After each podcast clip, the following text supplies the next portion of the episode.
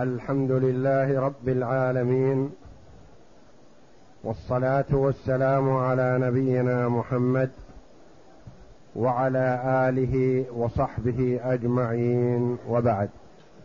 بسم الله الرحمن الرحيم. قال المؤلف رحمه الله تعالى وإن أحال من عليه دين على من لا دين عليه فهو توكيل في الاقتراض وإن أحال وإن أحال نعم. وإن أحال من عليه دين لا. على من لا دين عليه فهو توكيل في الاقتراض وإن حال من لا دين عليه على من لا دين عليه. وإن أحال من لا دين عليه على من لا دين عليه فهو توكيل في الاقتراض نعم هذا اقتراض كلهم ما عليهم دين. اقرأ.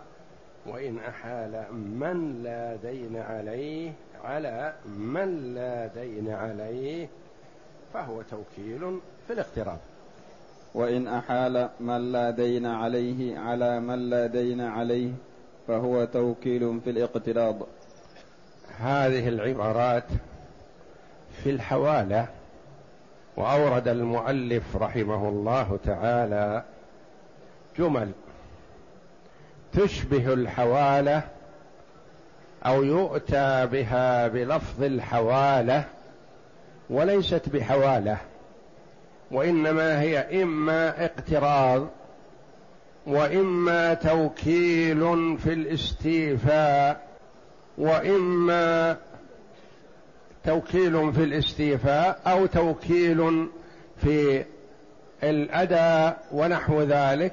هذه وإن جاءت بلفظ الحوالة فليست بحوالة لأن الحوالة تنقل الدين من المحيل إلى ذمة المحال عليه وتبرأ ذمة المحيل. وفي هذه الصور التي أوردها المؤلف رحمه الله تعالى إما أن ما فيها ذمة مشغولة ما فيها دين أو فيها دين لكنه ما أحال على مدين وإنما أحال على من طلب منه أن يسدد ما عليه. وهذه أمثلة يقول وإن أحال من لا دين عليه. على من لا دين عليه. أحال من لا دين عليه على من لا دين عليه. فهو توكيل في الاقتراض. أنت ما عليك دين لأحد. وليس لك دين على أحد. لست مدين ولا داع. في عافية. أرسلت ولدك يقبض من فلان مئة ريال. أعطيت ابنك وكالة أو حوالة على شخص ما عنده لك دين. قلت اقبض منه مئة ريال. أنت ولدك الذي أحلته لا يطالبك بشيء وليس في ذمتك له شيء. والشخص الذي أرسلت إليه ليس في ذمته لك شيء. ليس في ذمته لك شيء. ذمتك غير مشغولة. وذمة صاحبك الذي أرسلت إليه ليست مشغولة لأحد. أنت في حاجة مثلا إلى مئة ريال أرسلت ابنك أو أخاك أو جارك إلى فلان بورقة إحالة اقبض منه مئة ريال. هذه حوالة تسمى؟ لا لأن ما فيه دين. لا دين لا مستقر ولا غير مستقر. وأنت الذي أحلته لا يطالبك بشيء وإنما أحلت ابنك أو أخاك أو جارك ليحضر لك المبلغ.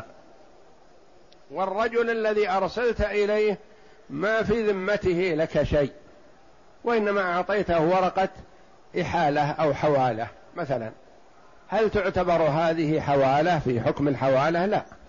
وإنما هذه كما قال المؤلف رحمه الله فهي توكيل في الاقتراض.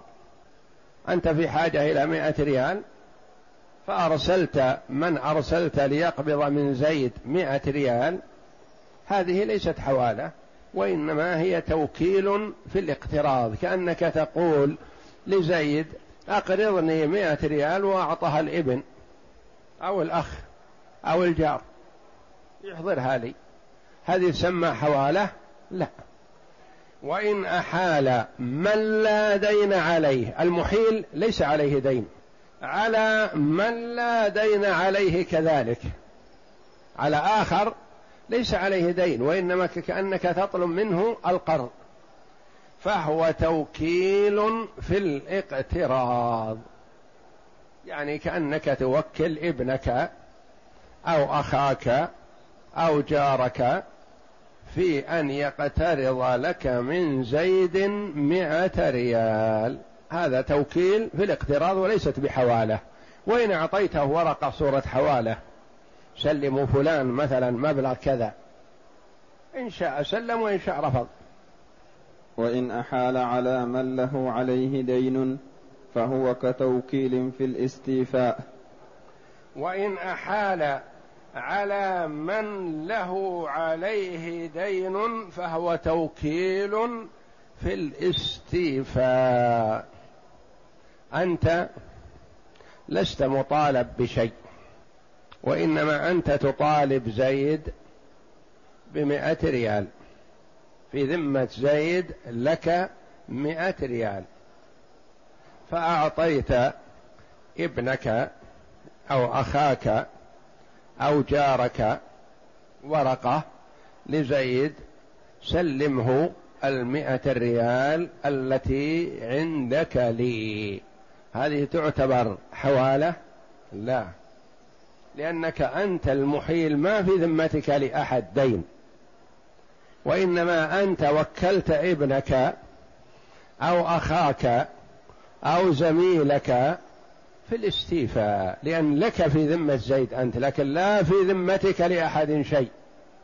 هذا الذي أحلته كأنك وكلته في الاستيفاء.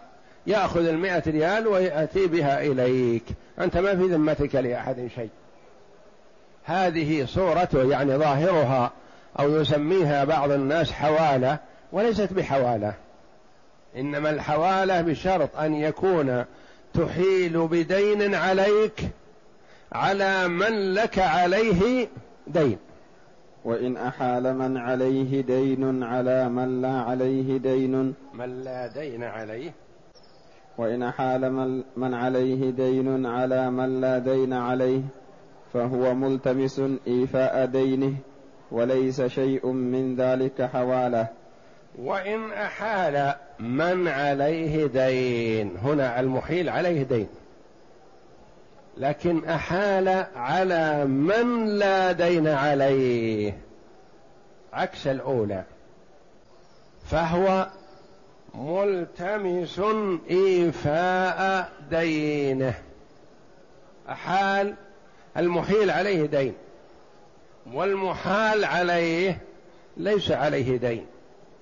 جاءك شخص يطالبك بمئة ريال فتشت فيما حولك ما وجدت ففكرت من ترى سيسدد ويقبل التوك ويقبل السداد عنك؟ قلت أكتب لزيد ورقة يسلم هذا الرجل مئة ريال. فكتبت ورقة أنت وأنت مدين لهذا الرجل.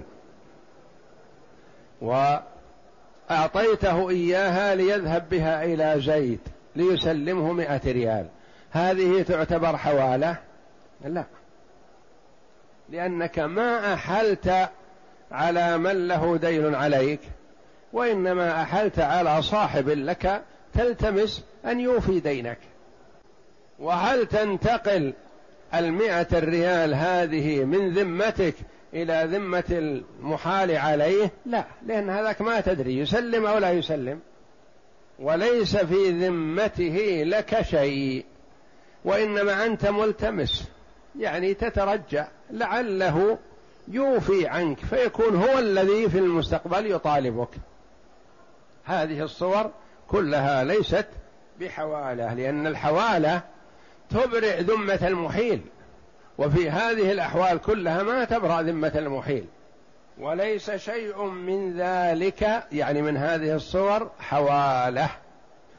إذ الحوالة تحول الحق وانتقاله ولا حق ها هنا يتحول. إذ الحوالة من معناها معناها من لفظها يقول تحول الحق. تحول الحق من المطالب الأول إلى الثاني وبرئت ذمة الأول. وانتقاله ولا حق ها هنا يتحول. إما أنك أنت لست مدين أو مدين وأحلت على من ليس له ليس لك عليه دين. وإنما جاز التوكيل بلفظ الحوالة لاشتراكهما في معنى وإنما جاز التوكيل بلفظ الحوالة. أنت تقول لصاحبك حولك على زيد يعطيك مائة الريال التي عندي لك. وزيد ما عنده لك أنت شيء وإنما أنت ملتمس. هذه يصح أن تكون بلفظ الحوالة لكن ليست بحوالة. هل تبرأ ذمتك إذا أعطيت الطالب الذي يطالبك أعطيته ورقة حوالة في هذه الحال وأنت ما تدري زيد يسلم أو يعتذر ما تبرأ ذمتك. وإنما جاز التوكيل بلفظ الحوالة لاشتراكهما في معنى وهو تحول المطالبة من الموكل إلى الوكيل كتحولها من المحيل إلى المحتال. نعم يعني انتقلت يعني واحد هو جاء يطالبك. فأنت حولت المطالبة عنك إلى مطالبة زيد ولا تدري زيد يسلم فتبرأ ذمتك أو لا يسلم فذمتك تكون مشغولة. نعم. فصل. الشرط الثاني تماثل الحقين لأنها تحويل الحق فيعتبر تحوله على صفته ويعتبر التماثل ويعتبر التماثل في ثلاثة أشياء. انتبه. يقول الشرط الثاني من شروط صحة الحوالة. وقد سبق أن قال رحمه الله ولا تصح إلا بشروط أربعة. ما تصح الحوالة وتسمى حوالة وينتقل الحق من ذمة زيد إلى ذمة عمرو إلا بشروط أربعة. ما هي؟ أحدها أن يحيل على دين مستقر. يعني يكون المحيل مدين. للمحال.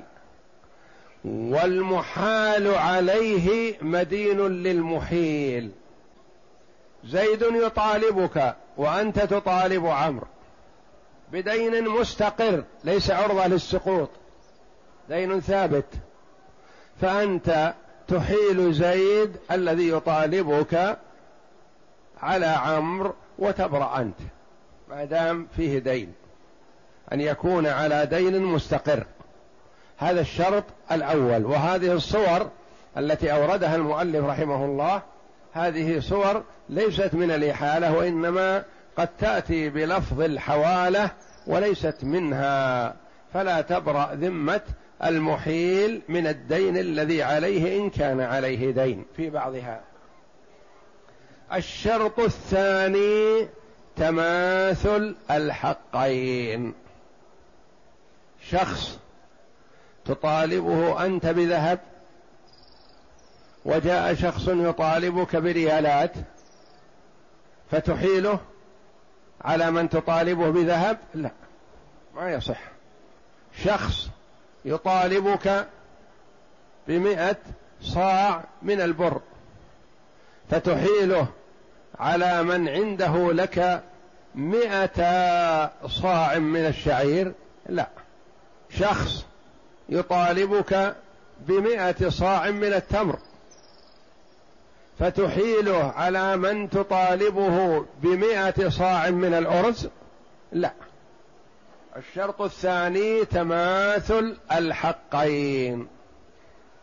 تحيل من يطالبك بمثل ما تطالب أنت به صاحبك. عند زيد لك مئة صاع من البر. جاء شخص يطالبك أنت بمئة صاع من البر. فقلت له يا أخي أنت تطالبني بمئة صاع من البر وأنا أطالب زيد بمئة صاع من البر أحيلك عليه. خذ هذه ورقة اذهب فاستلم منه الذي تطالبني به. هذه الحوالة.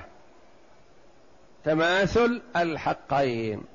إذا كنت تطالب صاحبك بألف ريال فجاءك شخص يطالبك بثلاثة جنيهات. ذهب.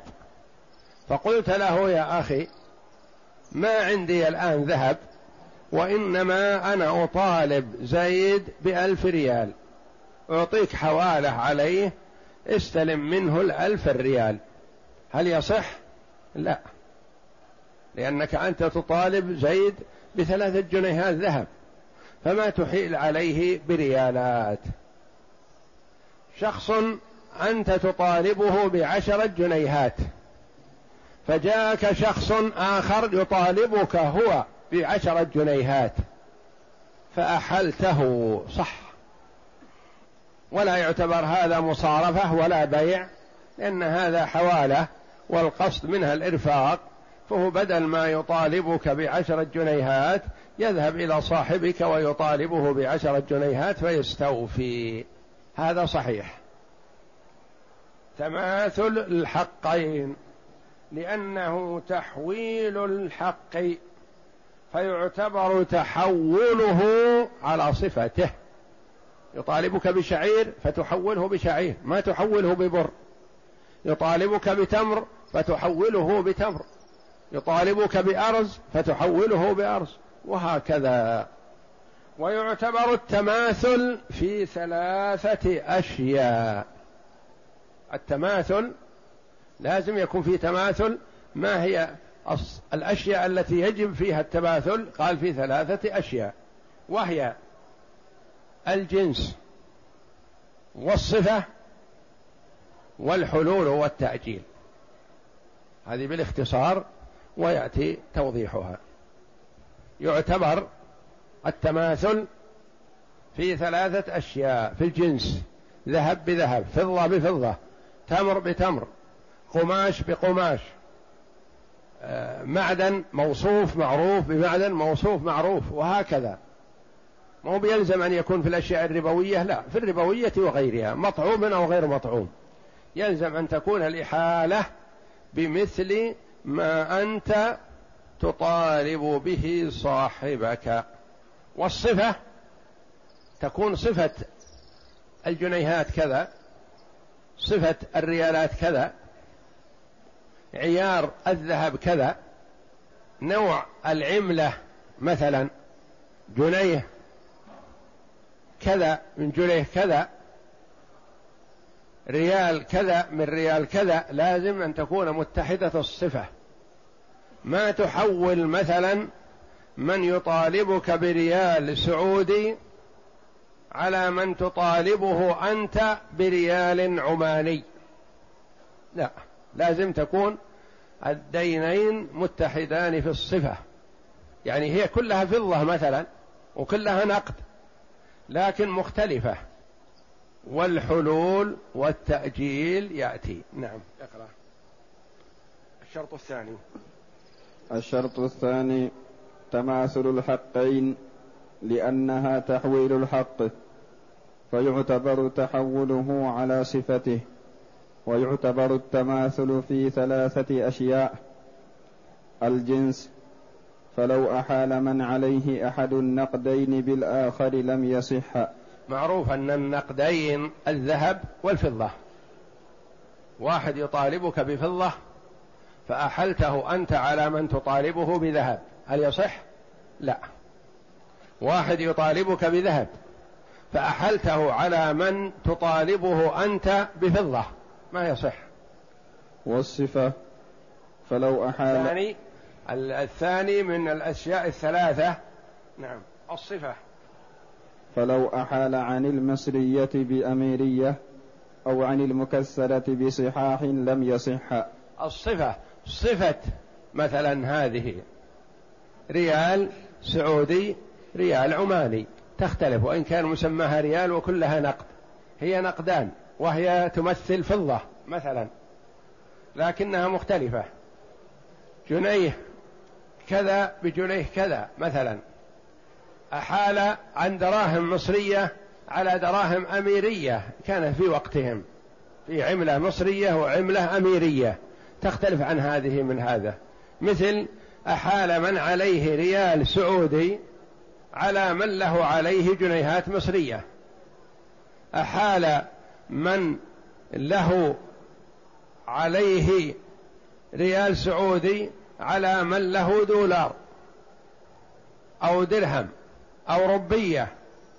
عملة أخرى. لا ما يصح. أو عن المكسرة بصحاح. هو يطالبك مثلا بذهب. عيار أربعة وعشرين. فأحلته على من تطالبه أنت بذهب عيار ثمانية عشر. يصح؟ لا لأنه ما اتحد في الصفة. أحلته على من تطالبه بذهب عيار واحد وعشرين. ما يصح. لا بد أن تحيل على من تطالبه بذهب عيار أربعة وعشرين. إذا كان يطالبك بعيار واحد وعشرين تحيل على من تطالبه أنت بعيار واحد وعشرين. وهكذا. فالإحالة ما تصح إلا إذا اتحدا في الصفة مثلا. والحلول والتأجيل. فإن كان الحلول والتأجيل. جاءك شخص يطالبك بألف ريال حال. قلت له يا أخي ما عندي شيء. لكن أنا أطالب زيد بألف ريال يحل في ذي الحجة. بعطيك عليه حوالة هل يصح؟ لا. لأن حقه هو حال وأنت أحلته على شيء مؤجل. أو العكس. جاء من له عليك حق يحل في ذي الحجة. قال يا أخي أنت تريد سفر. وحقي يحل في ذي الحجة وأخشى أني آتي في ذي الحجة فلا أجدك. قال أعطيك حوالة على شخص عنده لألف ريال حال الآن. هل يصح يعتبر هذا حوالة؟ لا. لأن مطالبته هو مؤجلة ومطالبتك أنت لصاحبك حالة. فلا بد أن يكون متفقا أن يتفق الدينان في الحلول والتأجيل. أنت شخص يطالبك بألف ريال في واحد ذي الحجة. ولك على زيد ألف ريال يحل في واحد ذي الحجة. يصح التحويل هذا. لأنك حولت مؤجلا على مؤجل. حولت مؤجل على حال ما يصح. حولت حال على مؤجل ما يصح. ولا يعتبر حواله. ولا ينتقل الدين من ذمتك إلى ذمة الآخر. والحلول والتأجيل. فإن كان أحدهما حالا والآخر مؤجلا أو أجل أحدهما مخالفا لأجل أو أجل أحدهما مخالف لأجل الآخر لم يصح. إذا كان كلاهما مؤجل لكن أنت عليك دين يحل في واحد ذي الحجة. فأحلت هذا الشخص الذي يطالبك على شخص آخر له عليك لك عليه مبلغ يحل في واحد محرم. هل يصح؟ لا لأن ما اتحد الأجل. كلاهما مؤجل لكن أحدهما يحل في ذي الحجة والآخر يحل في محرم. وإن صحت الحوالة فتراضيا على خير مما أحيل به أو دونه أو تعجيله أو تأخيره أو الاعتياض عنه جاز لأنه دين ثابت فجاز فيه ذلك كغير المحال به. يقول قائل مثلا أحلت أنت من يطالبك بريال سعودي؟ على من تطالبه بريال سعودي. فلما وصل إلى صاحبك تصالحا على أن يسلمه غير الريال السعودي. يصح هذا. لأنه يشترط في التحويل أن يكون المحيل أحال على من عليه دين بمثل ما كان على المحيل. لكن لما انتقل الحق إلى المحال إليه وحاول الصلح مع صاحبه صح. إيضاح هذا بالمثال. أنت تطالب أخا لك مصري بألف ريال سعودي. جاءك شخص مصري فاقترضت منه ألف ريال سعودي. فصار في ذمتك لهذا المصري ألف ريال سعودي. وفي ذمة المصري الآخر لك في ذمته ألف ريال سعودي. واضح؟ كلاكما يطالب الآخر كل واحد يطالب الآخر بألف ريال سعودي. هذا الرجل المصري يريد أن يسافر إلى مصر. فقال يا أخي أعطني حقي ألف ريال عندك لي. فقلت له أحيلك على زيد في مصر. عنده لي ألف ريال سعودي. وأنت ذاهب الآن إلى مصر فاقبض حقك منه رضي بالحوالة. وأخذ منك حوالة وذهب إلى المصري صاحبه. واجتمعا في مصر. فقال القادم أنا محال عليك بألف ريال سعودي لأن فلان يطالبك بألف ريال سعودي. قال صح فلان يطالبني بألف ريال سعودي في ذمتي له وأقبل الحوالة. قبلت الحوالة لأن في ذمتي للرجل ألف ريال وقد أحالك علي بالألف ريال فلا حرج. قبل الحوالة. ثم قال له يا أخي أنا الآن ما بين يدي ريال سعودي. ولو ذهبت أشتري ريالات سعودية أشتريها بسعر غال. ثم أنت ما تستفيد في مصر من الريال السعودي. تذهب تصرفه مرة أخرى. فيخفض لك السعر. فيزيد علي أنا في الصرف وينقص لك أنت في الصرف. إلا نتفق على أني أعطيك بدل ألف ريال سعودي كذا وكذا جنيه مصري.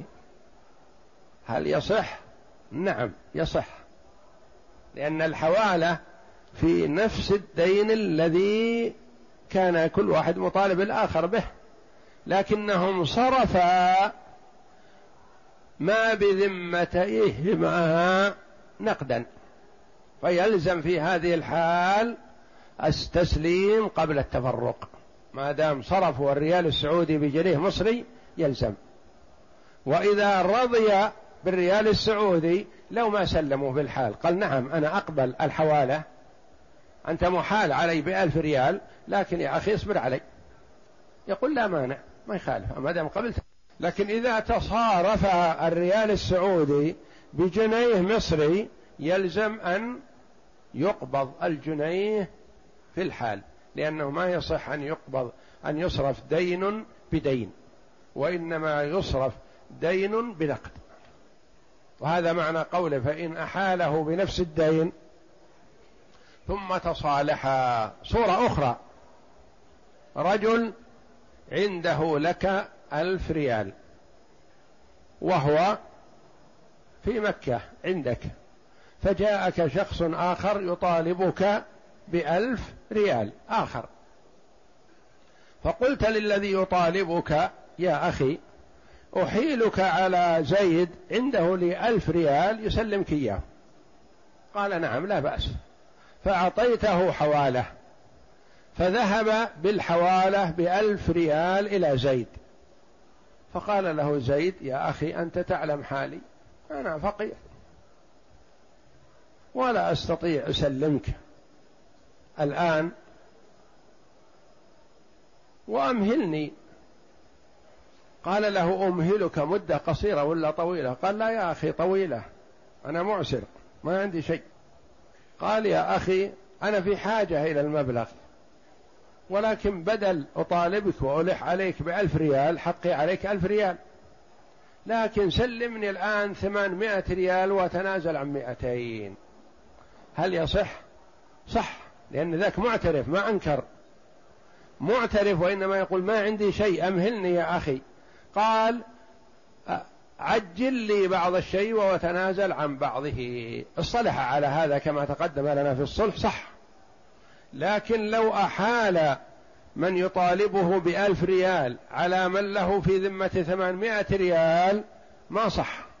لابد اتحاد الدينين.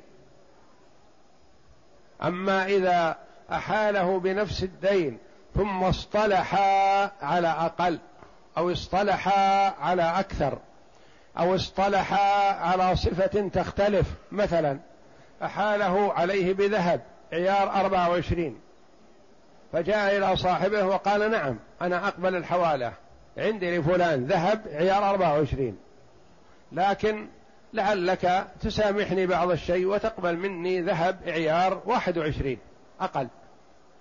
فتراضي على هذا فلا بأس لأن هذا يعتبر تنازل عن شيء من الحق. تنازل عن شيء من الحق. أو تصالحا على التأجيل صح. أو تصالحا على تعجيل البعض وتأجيل البعض وهكذا.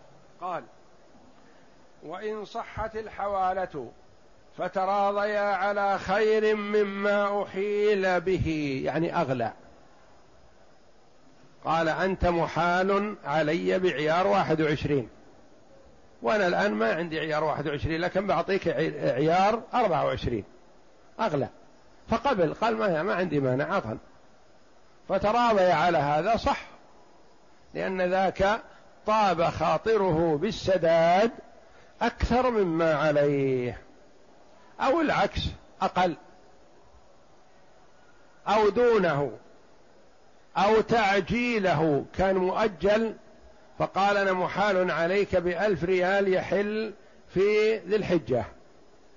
لكن أود أن تعجله يا أخي لي جزاك الله خيرا. قال لا بأس أنا أعطيك الألف ريال الذي أحلت به علي وإن كان لا يحل إلا في واحد ذي الحجة أنا أعطيك إياه الآن. أو تعجيله أو تأخيره محال عليه بمبلغ حال الآن. فقال يا أخي أمهلني حتى أستلم الراتب أمهلني إلى منتصف ذي القعدة أمهلني إلى دخول ذي الحجة فقبل فلا بأس. يعني تأجيل أو تأجيل أو دونه أو فوقه صح بشرط أنه إذا كان صرف أن يتم ذلك في المجلس وإن كان غير صرف مما يجوز فيه التأجيل فلا بأس بذلك. لأنه دين ثابت فجاز فيه ذلك كغير المحال به. مثل لو لم يكن هناك إحالة لك حق على زيد مثلا. ذهب أنت تطالب زيد مثلا بذهب عيار واحد وعشرين فقال لك يا أخي ما عندي عيار واحد وعشرين لكن أنا أعطيك الآن عيار أربعة وعشرين. أزيد. أو أعطيك يا أخي عيار ثمانية عشر. ما عندي واحد وعشرين لكن أعطيك عيار ثمانية عشر. فقبل. في أن هذا يعتبر تنازل من أحدهما للآخر. والله أعلم. وصلى الله وسلم وبارك على عبده ورسول نبينا محمد وعلى آله وصحبه أجمعين.